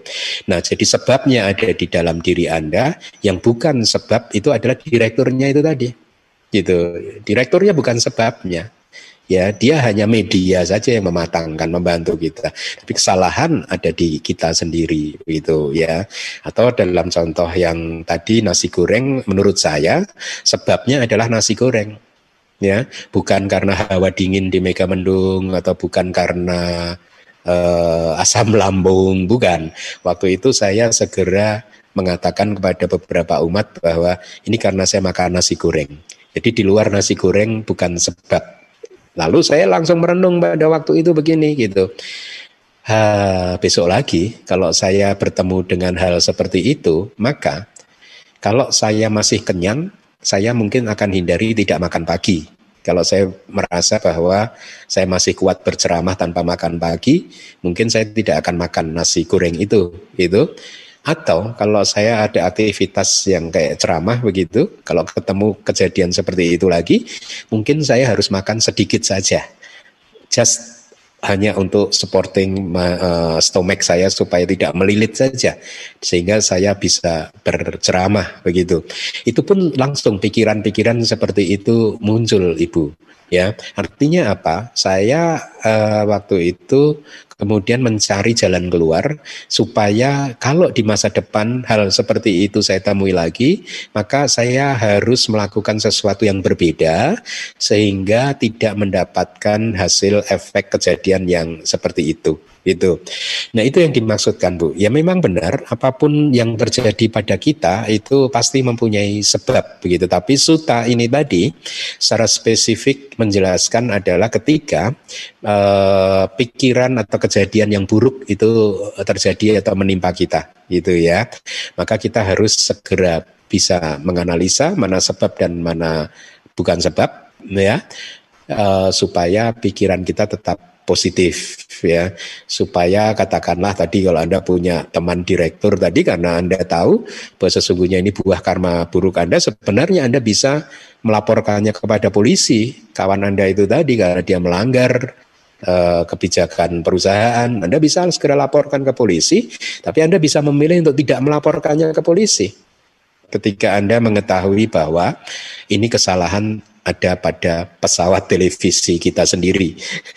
Jokesnya seperti itu. Jadi akhirnya dengan cinta kasih kita lepaskan si direktur tadi baik-baik dan kita uh, bebaskan dia dari segala kesalahannya dan kita berdoa semoga sebagai seseorang dia menjadi orang yang bisa tidak merugikan orang lain, bermanfaat untuk orang lain dan lain sebagainya.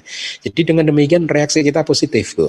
Reaksinya uh, tidak marah-marah, Anda tidak marah-marah kepada direksi tadi, ya, e, tapi Anda segera bisa mengendalikan kemarahannya, ya. Nah, seperti yang tadi saya sampaikan, saya mengenal Suta ini kalau tidak salah bahkan sejak di Myanmar. Dan e, di dalam kehidupan saya, saya saya mempraktekannya gitu. Dalam kehidupan sehari-hari itu sering itu saya praktekkan gitu. Makanya saya mendorong Anda untuk benar-benar memahami penjelasan-penjelasan di kitab komentar dari Suta ini ya minggu ini dan minggu-minggu depan. Jadi begitu Ibu, eh, dengan mengetahui sebab dan bukan sebab, maka batin kita akan menjadi semakin positif, ya. Eh, meskipun di suta tadi dikatakan mengetahui sebab dan bukan sebab itu berkaitan dengan delusi, ya, kemunculan dari kebingungan dan juga keraguan-raguan, tapi di awal tadi dikatakan bahwa delusi juga muncul bersama dengan keserakahan dan juga kebencian. Jadi menurut saya itu tidak terbatas hanya ketika pikiran yang dipenuhi dengan delusi muncul, maka kita harus menggunakan uh, metode tadi yaitu mengetahui sebab dan mana yang sebab dan mana yang bukan uh, sebab begitu. Mudah-mudahan menjawab. Ya. ya. Baik, terima kasih Bante. Untuk giliran berikutnya, kami berikan kesempatan kepada Saudari Li Meliana. Kami persilahkan untuk bertanya.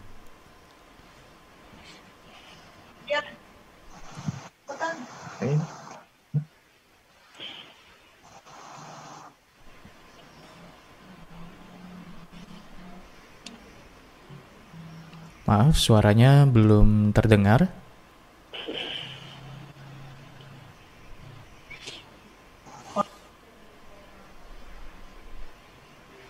Bisa tolong di-unmute? Ya, sudah. Ya, silakan. Sukion, Sukion tuh Bante. Iya, Pak Agus. Uh, maaf Bante, saya mau nanya tentang meditasi meta Bante. Tentang Karena apa? Meditasi cinta kasih Bante, yang oh. tadi Bante. Oke. Okay. Sudah lontarkan gitu Bante. Uh, pada kenyataannya dalam praktek saya gitu Bante, dalam meditasi saya itu saya masih sering banget mengalami gagal fokus gitu loh Bante. Ya. ya, hmm. ya awalnya saya melakukan media, apa uh, membayangkan uh, toko-toko yang sudah berjasa dalam hidup saya, saya bayangkan uh, kebahagiaan uh, toko tersebut, tapi uh, ujung-ujungnya saya selalu balik lagi ke rasa sakit di tubuh saya gitu, Bante. Bagaimana ya, Bante? Ujung-ujungnya apa tadi? Berbalik apa?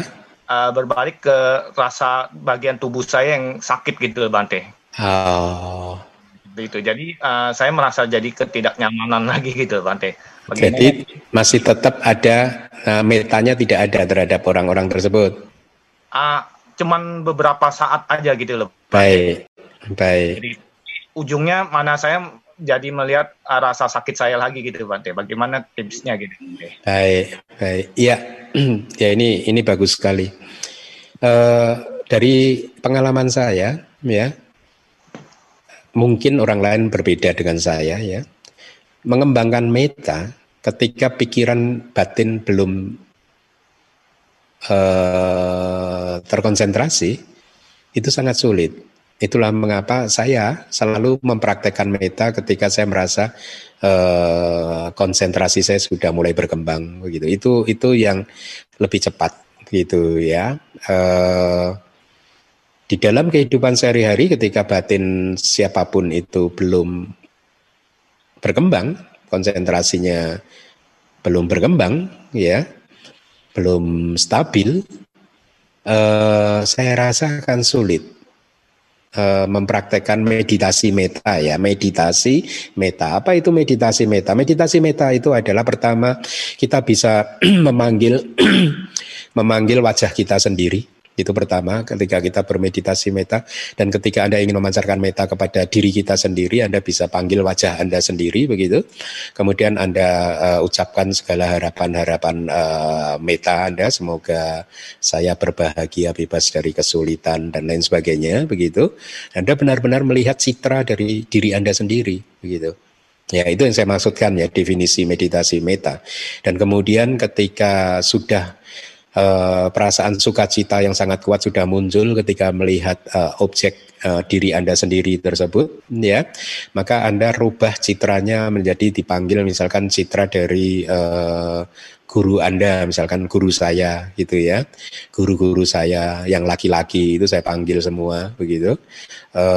Dan kalau Anda konsentrasinya sudah bagus Anda bisa menangkap citra dari guru yang Anda uh, panggil tadi sebagai objek meta Anda dan seterusnya sampai ke orang yang biasa-biasa saja mungkin satpam di kompleks perumahan Anda, itu Anda panggil dan Anda pancarkan cinta kasih kepada orang tersebut. Semoga Anda bahagia, bebas dari kesulitan, bebas dari segala bentuk penyakit, baik itu sakit uh, jasmani maupun sakit mental dan seterusnya uh, batin ya, dan seterusnya dan seterusnya sampai yang terakhir adalah orang yang saya Anda benci gitu ya. Dan Anda akan melihat ketika citra dari orang yang Anda benci itu muncul di mental Anda, bayangan mental Anda, tidak tidak ada lagi kemarahan pada orang tersebut. Dan Anda benar-benar sangat positif terhadap orang yang dibenci tersebut gitu ya. Itu meditasi meta. Seharusnya seperti itu gitu ya. Dan setelah itu akan dikembangkan meta itu ke seluruh penjuru ya. Ke kanan kiri depan belakang atas bawah terus kemudian ke uh, seluruh wihara ini dan seterusnya dan seterusnya gitu. Nah, tanpa konsentrasi yang sudah dikembangkan dengan baik, uh, sulit sekali untuk bisa mendapatkan pengalaman yang saya sampaikan tadi. Jadi oleh karena itulah, uh, lalu bagaimana dong Bante kalau kita ingin supaya batinnya ini bersih? Ada banyak strategi sebenarnya kalau hanya untuk uh, menghancurkan kebencian itu banyak strateginya gitu, ya. Kalau itu berkaitan dengan misalkan orang satu rumah dengan Anda, kalau Anda mau marah dengan orang satu rumah, dulu ingat nggak waktu ceramah di PS itu saya sampaikan itu, kalau mau marah ya segera ambil air dan berkumur gitu. Airnya ditahan di mulut, hmm, ditahan terus gitu. Dijamin Anda nggak akan marah-marah gitu. Karena kalau Anda marah, airnya keluar semua. Ya. Atau dengan berbagai cara, dengan mengembangkan kebijaksanaan begitu ya.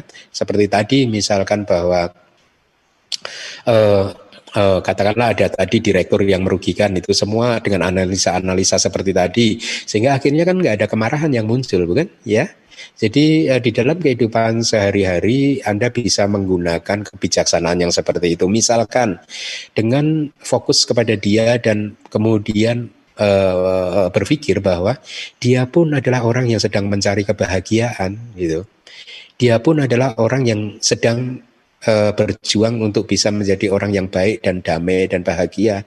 Dia adalah orang yang tidak ingin mendapat tekanan, penindasan, kemarahan dari siapa pun juga. Ya, jadi dengan memikirkan seperti itu, maka uh, cepat atau lambat compassion bukan meta, belas kasih kita bisa muncul juga ya rasa kasihan kita kepada dia juga bisa muncul gitu. Bahwa dia adalah manusia yang juga mempunyai kehidupan yang sedang berjuang untuk mempunyai kehidupan yang baik. Mungkin cara-caranya dia kadang itu tidak sesuai dengan apa yang saya inginkan. Tapi saya harus positif saja bahwa dia sesungguhnya adalah manusia yang juga berhak untuk mendapatkan kedamaian dan kebahagiaan. Dia adalah manusia yang seharusnya tidak kita bully dan lain sebagainya begitu jadi eh, dengan eh, strategi-strategi seperti itu, maka kemarahan, kebencian terhadap orang eh, lain itu bisa dihindarkan. Terus terang saya dulu mempraktekkan meta dengan metode yang uh, konvensional dengan mengucapkan kata-kata uh, uh, meta tersebut dan diulang berkali-kali dan saya merasakan hasilnya tidak seefektif ketika uh, saya memakai cara yang tadi yang sudah saya sebutkan gitu. Jadi saya rasa mungkin itu berlaku untuk semua orang saya pikir sih ya. Akan sulit mempraktekkan meta dalam keadaan batin yang belum dikembangkan dengan uh, baik begitu ya. Anda tidak akan akan sulit untuk merasakan tes dari meta. Tes dari meta itu sangat sangat apa? Sangat luhur, sangat sangat mulia. Rasa dari meta itu sangat mulia. Karena benar-benar kita itu bisa menjadi ketika uh, meta itu sudah berkembang, kita itu menjadi pribadi yang sangat positif gitu. Tidak ada objek di muka bumi ini yang bisa memunculkan kemarahan kita. Apa pun objek yang diambil oleh pikiran kita yang ada hanyalah keteduhan begitu. Ya, itu sangat luar biasa rasa dari meta itu sangat luar biasa itu ya. Benar ke, eh, kebahagiaan atau sukacitanya itu sangat kuat sekali, sangat kuat sekali. Sayangnya tidak bertahan lama. Seandainya meditasi meta itu rasa meta itu tadi bisa bertahan seumur hidup itu alangkah indahnya kehidupan ini gitu. Sayangnya tidak bertahan lama, tergantung kekuatan dari konsentrasi kita gitu. Kalau konsentrasi Anda baik, maka bisa bertahan selama berjam-jam gitu. Tapi kalau tidak baik, setelah keluar dari meditasi mungkin satu jam, setelah itu lenyap, batinnya kotor lagi. Itu kira-kira Pak Agus mudah-mudahan membantu.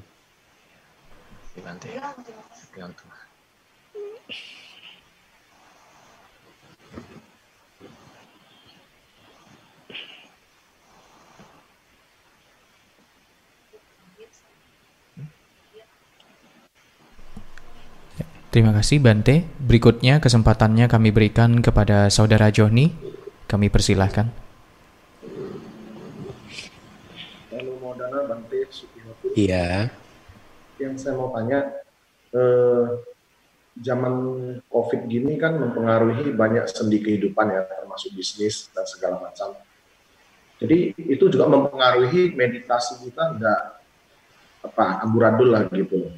Dan saya sudah mencoba satu dua bulan dengan eh, misalnya bahwa ini adalah karma saya, jadi kita juga tetap melakukan kebajikan seperti dana, jaga sila untuk mengurangi efek dari karma buruk itu. Tetapi konsentrasi dari meditasi juga nggak bisa muncul karena kekhawatiran terus menerus gitu Bante. Jadi yang saya mau tanya adalah eh, apa yang harus kita lakukan supaya ini nggak asik muncul kayak macam ketakutan lah, khawatir lah gitu. Saya juga udah dengar video dari Bante yang tidak memfitnah ular, tapi juga gimana ya waktu dengar ya nanti udah besoknya udah mungkin karena kasusnya terjadi terjadi terus jadi eh, kita sulit Bante untuk untuk tetap berada di state yang positif gitu Bante. Jadi ah, kira-kira apa kiat yang harus saya lakukan lagi Bante ya? Demikian. Iya. E, pertama-tama kalau Anda merasa sulit untuk berada dalam state yang positif itu lebih karena pendekatan Anda gitu ya pendekatan yang Anda pilih membawa ke dampak atau akibat sehingga keadaan batin Anda keruh begitu. Karena e, pilihan Anda begitu e, memilih yang keliru sehingga akhirnya batin Anda menjadi keruh seperti itu. Dengan kata lain, sesungguhnya ada pilihan yang berbeda yang membuat akhirnya menghasilkan batin yang tidak sekeruh itu itu ya. Nah tadi di awal sudah saya sampaikan, ibarat hati kita ini adalah taman bunga, maka cara untuk bisa mendesak kilesa-kilesa itu dengan memenuhi dengan taman hati kita ini dengan bunga-bunga yaitu apa bunga-bunga pengetahuan itu ya. Mungkin di manual abidama pertama saya sudah sampaikan, saya uraikan hal ini gitu ya. Uh, dengan banyaknya pengetahuan Tripitaka yang uh, Anda dapatkan, saya rasa banyak murid saya di DBS akan setuju dengan apa yang akan saya sampaikan bahwa ketika seseorang itu banyak pengetahuan, maka banyak problem yang bisa dia selesaikan. Ya, jadi Anda harus mencari uh, mengumpulkan pengetahuan sebanyak-banyaknya, Pak siapa tadi? Ya, uh, dikumpulkan pengetahuan sebanyak-banyaknya. Kenapa? Karena mungkin ceramah jangan memfitnah ular itu tidak efektif untuk Anda, ya. Ibaratnya obat saja, Anda tidak obat tidak cocok dengan satu obat, maka Anda harus cari obat yang lain. Itu. Anda harus cari cara yang lebih efektif, uh, uh, cara lain yang ef cara lain yang cocok untuk Anda. Ya, karena sesungguhnya tidak ada cara yang lebih efektif untuk kehidupan sehari-hari ya. Mungkin ceramah jangan memfitnah ular itu cocok untuk orang lain tapi tidak cocok untuk orang yang beda lagi begitu. Jadi Anda harus segera mencari jalan keluar dengan mengumpulkan semua informasi-informasi tersebut. Ketika pada suatu hari Anda sudah berhasil menemukan cara tersebut, maka cobalah praktekkanlah itu terus. Itu ya praktekkan cara berulang-ulang setiap kali Anda menemui masalah, artinya kilesa-kilesa Anda muncul, sehingga Anda benar-benar menguasai dan hafal cara untuk mengenyahkan kilesa-kilesa itu tadi. Gitu ya. Anda harus ingat ketika sudah ketemu Anda harus ingat-ingat itu gitu. Ini cara saya untuk menghancurkan kilesa dalam kehidupan sehari-hari atau bahkan juga kalau dalam meditasi. Nah, kalau dalam meditasi tadi sudah disampaikan di dalam kitab komentar kan, Pak ya. Kalau eh, nafsu itu muncul berkaitan dengan eh, apa? Eh, makhluk, maka Anda harus mengambil objek mayat gitu ya.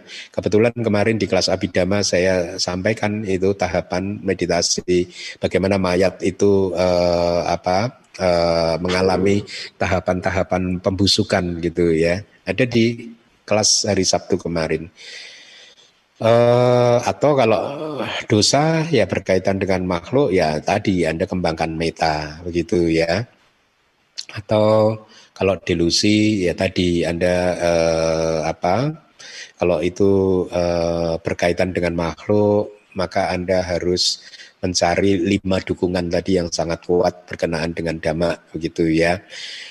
Nah, uh, poinnya adalah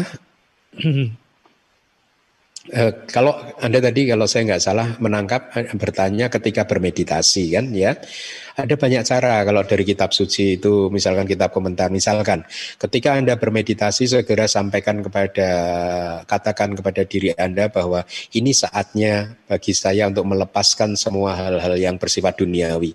Mungkin sebelumnya Anda bisa merenungkannya bahwa segala hal yang bersifat duniawi ini tidak pantas untuk dilekati dan seterusnya sehingga Anda yakin ketika masuk ke dalam retret atau ketika sedang bermeditasi di rumah Anda benar-benar bisa melepas melepaskan segala urusan tersebut. Dengan demikian maka pikiran-pikiran yang berkaitan dengan urusan-urusan keduniawian tersebut tidak akan mengganggu lagi atau kalaupun dia muncul Anda sudah tahu bahwa itu tidak pantas untuk dilekati gitu. Anda akhirnya tidak melekati pikiran-pikiran uh, tersebut begitu ya. Nah, kalau kemudian ketika Anda bermeditasi masih tetap saja sulit untuk berkembang, maka lakukan cara-cara yang uh, saya rasa yang yang dulu sering bahkan sampai sekarang sering saya praktekkan adalah resitasi damak tadi menghafal mengulang dhamma gitu. Misalkan nih kaya nuah yang pigawe magosa dan nang wisudia so pari dewa nandu gado manasa dan seterusnya dan seterusnya. Sambil mungkin kalau biku biasanya sambil berjalan ke sana kemari sambil dia meresitasi merecite uh, mengulang-ulang uh, suta atau abidama atau bahkan mungkin uh, winaya. Anda bisa lakukan itu juga. Dan itu juga uh, bagian dari latihan saya di masa lalu dan juga bahkan di masa sekarang mengulang-ulang itu. Dan e, ketika anda mengulang suta-suta tersebut katakanlah ya dan merasa batin Anda sudah mulai menjadi semakin tenang maka Anda bisa mulai bermeditasi.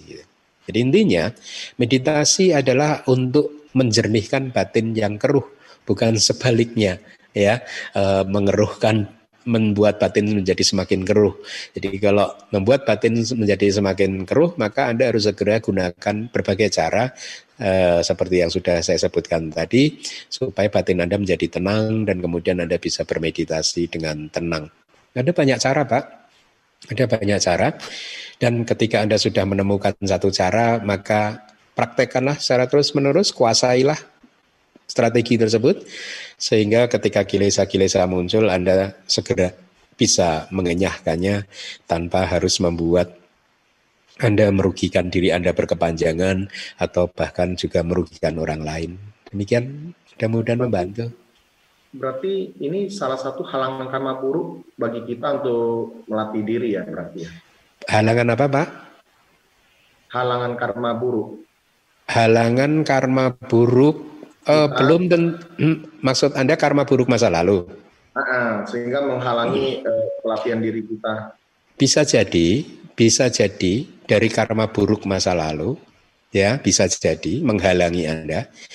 Bisa jadi juga dari uh, attitude Anda, sikap pilihan Anda di masa sekarang.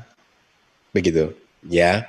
Kalau di DBS itu saya sering memberi contoh begini, Pak biasanya umat itu kalau makan pagi, makan siang banyak umat datang berdana begitu ya. Jadi saya katakan begini untuk membedakan karma masa lalu dan karma saat ini gitu ya. Saya beri ilustrasi begini. Ketika Anda masuk ke gedung DBS, ya, dan kemudian membuka pintu ruangan saya, itu anggap saja itu perumpamaan karma masa lalu. Itu, ya. Jadi karma masa lalu telah membuat Anda masuk ke dalam ruangan saya untuk bertemu dengan saya, untuk melihat saya. Tetapi setelah masuk dalam ruangan saya, keputusan ada pada Anda saat itu. Anda mau duduk di sebelah kanan saya, sebelah kiri saya, di depan yang agak jauh dari saya, atau di mana itu adalah tidak ada sebenarnya uh, buk, tidak dikendalikan oleh karma masa lalu. Memang berhubungan dengan karma masa lalu, artinya karma masa lalu telah membuat umat tersebut masuk ke ruangan saya, tapi dari karma masa lalu itu dia sebenarnya terbebas dari karma masa lalu. Dia bisa membebaskan diri dari uh, tim karma penghalang dari masa lalu ya karena dia bebas menil, memilih tempat mau duduk di sebelah kiri, kanan, depan atau di mana pun dia. Dan itu tidak dikendalikan oleh karma masa lalu. Ya, jadi tapi memang benar ada karma-karma buruk masa lalu yang sangat kuat sehingga mau tidak mau si orang tersebut harus dikuasai oleh karma buruk penghalang tersebut ya. E, tetapi kalau menurut e, teori karma-karma yang seperti itu sangat sedikit sekali sesungguhnya. Karma yang sedemikian beratnya sehingga manusia itu tidak seolah-olah tidak ada pilihan itu sangat sedikit itu sangat sedikit sekali gitu ya. ya contohnya misalkan dewa data harus lahir di neraka itu ya. E, dan contoh-contoh yang lain. Itu contohnya sedikit ya. Artinya dengan kata lain sebagian besar dari karma masa lalu kita itu itu bisa kita hindari buahnya itu bisa kita hindari. Buahnya bisa kita hindari itu makanya sering saya memberi contoh di murid untuk murid-murid di DPS juga ya.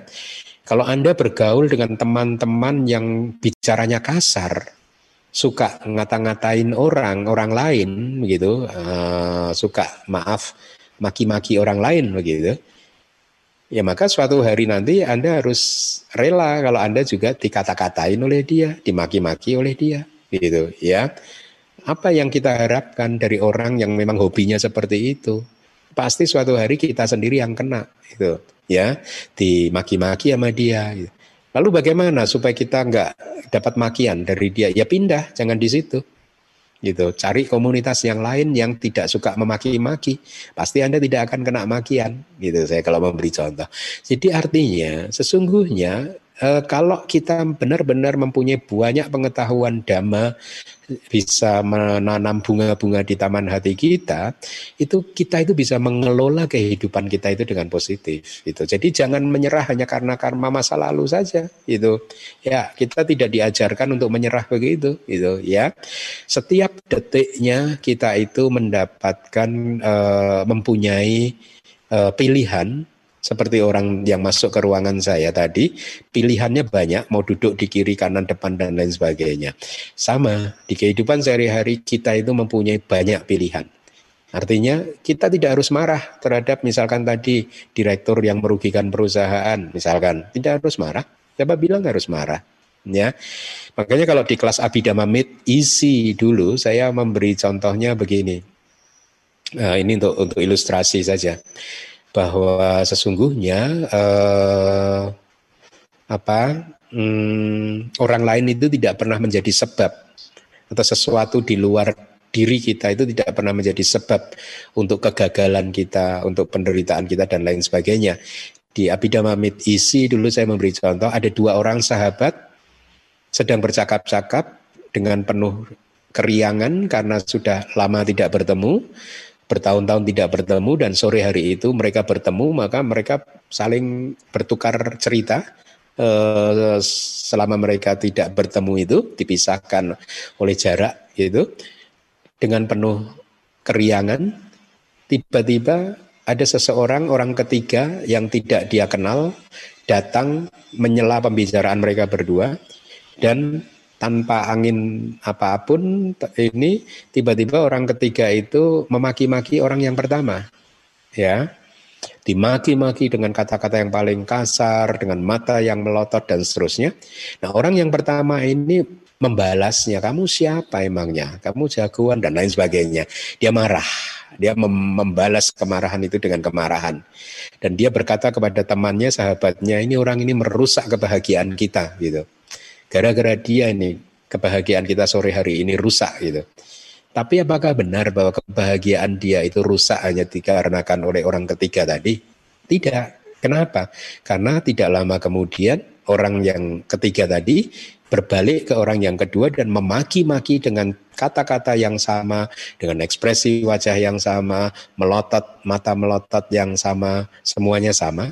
Tetapi karena orang yang kedua ini lebih bijaksana, dia menerima itu dengan lapang dada, bahkan dia merasa kasihan terhadap orang tersebut. Jadi orang yang kedua ini intinya tidak menderita karena kemarahan dari orang ketiga tadi, tapi orang yang pertama menderita karena kemarahan atau karena sikap perilaku dari orang ketiga tadi. Dan orang yang pertama mempunyai pandangan salah bahwa kebahagiaan dia hancur karena orang yang ketiga ini tadi. Itu pandangan salah. Karena kalau benar orang ketiga ini penyebab kehancuran dari kedamaian kebahagiaan dia, maka harusnya orang yang kedua juga hancur kedamaian kebahagiaan dia. Tapi kan tidak. Orang keduanya tidak hancur. Jadi ini contoh yang sederhana untuk membuktikan bahwa sesungguhnya kita ini bukan manusia yang dikendalikan oleh karma masa lalu, bukan juga manusia yang dikendalikan oleh orang lain. Kita ini makhluk yang punya pilihan, gitu mau memilih menjadi orang yang bijaksana, damai dan bahagia atau sebaliknya. Ya, e, keliru menentukan tadi sebab dan bukan sebab. Akhirnya marah terhadap orang yang ketiga tadi. Demikian Pak, mudah-mudahan membantu. Terima kasih. Terima kasih Bante. Berikutnya kami berikan kesempatan kepada Saudara Wira. Kami persilahkan.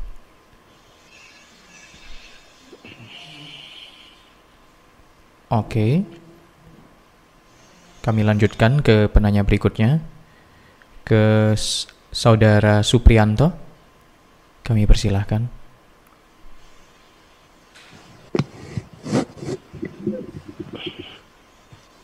Uh, uh, Bante. Iya. Uh, mau tanya ya tentang Nih. masalah uh, masalah anak ya. Anak hmm. itu kan bahkan ya udah karma lah kita bisa bertemu dalam satu keluarga. Tapi ya masalah uh, cara mendidik anak itu yang tepat itu gimana? Kalau anak itu misalnya uh, apa yang kita inginkan sama dia kan beda ya. Kadang-kadang dia misalnya malas belajar apakah kita dengan uh, sangat marah suruh, uh, suruh dia belajar atau dengan ngomong dengan menasehati dengan tenang apakah dia mau dengar? Uh, itu kan uh, itu karmanya gimana? Itu kan karma dia masa lalu dia udah di sini. Dan karma masa depan kan tergantung didikan kita kan? Hmm. kita mendidik dia sampai di mana itu kan nanti itu karma dia yang akan datang kan dia akan menjadi anak yang baik, anak yang uh, anak yang berhasil itu kan uh, itu merupakan ada nggak andil karma kita terhadap dia gitu. Ya. Terima kasih. Terima kasih. Maaf. Tahu nggak uh, para upasaka upasika sekalian? Salah satu salah satu ya Salah satu tujuan saya menjadi biku itu adalah supaya saya nggak pusing mikirin anak, mikirin istri, mikirin rumah gitu. Tapi ternyata tujuan saya itu tidak tercapai. Karena ketika menjadi biku sering kali saya disibukkan dengan mikirin anak, mikirin istri, malah banyak anak, banyak istri malah jadi biku itu. Maksudnya anaknya orang lain dan istrinya orang lain. Jadi tujuan awal saya itu tidak tidak terpenuhi sebenarnya dengan menjadi biku gitu. Karena ya itu tadi salah satunya pertanyaan ini. Saya yang tadinya nggak ingin pusing mikirin anak eh, anda membawa masalah itu ke saya. Juks pak. Juks pak. Juks nggak apa-apa sih nggak apa-apa. Begini pak. Uh, uh, begini. anak itu kan kadang ya namanya anak kecil kan ya, dia jarak pandangnya pendek, ya jarak pandangnya pendek dan orang tua pasti mempunyai jarak pandang yang lebih lebar, lebih panjang, lebih luas dibandingkan sang anak. Ya, istilah umumnya itu kan orang tua itu lebih banyak makan asam garam dibandingkan anak itu ya. Nah, itulah yang harus di-sharingkan kepada anak sebenarnya pengalaman-pengalaman Anda, eh, wawasan-wawasan Anda tentang kehidupan itu yang harus dibagikan kepada anak ya bahwa kehidupan itu begini loh. Misalkan kalau sebagai umat perumah tangga jalur kehidupannya itu ya harusnya begini sekolah yang benar atau paling tidak tujuannya adalah supaya bisa mensupport diri dia dan keluarganya dia nanti akhirnya dengan uh, bekerja menghasilkan uang dan lain sebagainya. Nah, hal-hal seperti itu mungkin menurut saya ya harus disampaikan kepada anak supaya wawasan dia juga menjadi luas dan dia menjadi tahu resiko-resiko yang akan dihadapinya di masa depan nanti. Jadi itu yang uh, menurut saya ya harus disampaikan karena memang uh, saya merasakan sih kemarin juga kan ada hmm, ke, saya selalu menyampaikan ke murid-murid lah begini. Uh, guru itu kan ini jadi agak-agak mirip sih. Karena guru itu dalam tradisi monastik itu juga berfungsi seperti orang tua dan murid itu seperti anak-anak. Jadi saya juga punya banyak anak sebenarnya gitu. Uh, dan saya selalu menekankan kepada murid-murid saya bahwa eh, kal, kal, karena rata-rata adalah pengen menempuh jenjang pariyati, ya saya katakan gitu. Eh, guru itu adalah seseorang yang sudah menempuh perjalanan lebih jauh dari murid, gitu, dari murid-murid saya. Dan karena murid-murid saya akan menempuh jenjang pariyati terlebih dahulu sebelum pati-pati, maka saya katakan juga kepada dia bahwa kebetulan saya mempunyai pengalaman di dalam pariyati gitu ya sehingga saya bisa mengarahkan kalian gitu dengan uh, mudah-mudahan dengan baik begitu Nah, saya terus kemudian sampaikan apa yang harus dilakukan dan apa yang tidak boleh dilakukan, gitu kan? Dari pengalaman-pengalaman saya, begitu sama orang tua juga seperti itu. Dari pengalaman-pengalaman Anda, Anda sampaikan semuanya wawasan tentang kehidupan itu supaya anak itu tahu, karena kadang anak itu itu tadi pandangannya terlalu pendek begitu. Ya, tetapi uh, kalau sesuai kitab suci dalam kehidupan sehari-hari dealing ketika kita berhubungan dengan siapa pun kita sangat diajarkan untuk berhubungan dengan orang lain dengan berlandaskan kepada empat Brahma Wihara. Empat Brahma Wihara itu adalah Meta Karuna Mudita UPK ya. Jadi artinya ketika Anda menyampaikan pengalaman-pengalaman Anda, wawasan-wawasan Anda tadi kepada anak Anda, Anda harus sampaikannya dengan penuh cinta kasih, dengan penuh belas kasih ya. Dan juga kalau dia berhasil Anda harus mengapresiasinya. Minimal mengapresiasi mengapresiasi di dalam batin pikiran Anda sendiri. Orang tua kan seperti itu ya mungkin ya kalau melihat kayak saya saja mempunyai murid-murid itu. Kalau murid saya itu ada yang uh, sudah berhasil begitu saya meskipun tidak saya ekspresikan saya merasa bahagia. Itu mudita ya ikut bersuka cita gitu atas keberhasilan dia begitu. Nah, tapi walaupun demikian kalau seandainya setelah Anda menasehati dengan berbagai cara kok dia tidak mau menurut atau dia tidak menunjukkan hasil yang uh, Anda harapkan, maka Brahma Wihara yang keempat yang harus Anda praktekkan, UPK. UPK itu bukan UPK itu bukan batin apa perasaan yang tenang tetapi sikap batin juga yang tenang seimbang. Dia tidak jatuh ke ekstrim kiri dan tidak jatuh ke ekstrim kanan. Artinya tidak jatuh ke ekstrim yang menyukai, melekati atau tidak jatuh dalam ekstrim yang lain yaitu membencinya gitu. Bagaimana cara mengembangkan UPK dengan merenungkan bahwa sabe sata kama saka kama uh, dayada dan seterusnya gitu. Bahwa semua makhluk adalah pemilik dari karmanya sendiri. Anak ini pewaris dari karmanya sendiri, lahir dari karmanya sendiri dan seterusnya. Walaupun saya sudah memberi nasihat berulang kali, tetapi uh, dengan berbagai cara, semua cara sudah sa uh, saya sampaikan, tetapi tetap saja hasilnya tidak sesuai dengan yang saya inginkan. Ya memang semua makhluk itu mempunyai timbunan karmanya sendiri-sendiri. Jadi dengan demikian batin Bapak juga akan tetap positif, Pak. Ya, uh, jangan memaksa mawar jadi bunga melati Anak itu sudah membawa juga bibit-bibitnya sendiri-sendiri. Setiap manusia itu adalah bibit yang spesifik, ya. E, kalau anak Anda itu membawa bibit bunga melati, bunga anggrek katakanlah, Anda menginginkan dia untuk menjadi bunga melati, maka dia akan menderita. Ya, lalu bagaimana Bante? Kan masa depan dia sebenarnya memang tergantung karma dia. Lalu karma kita ini bagaimana?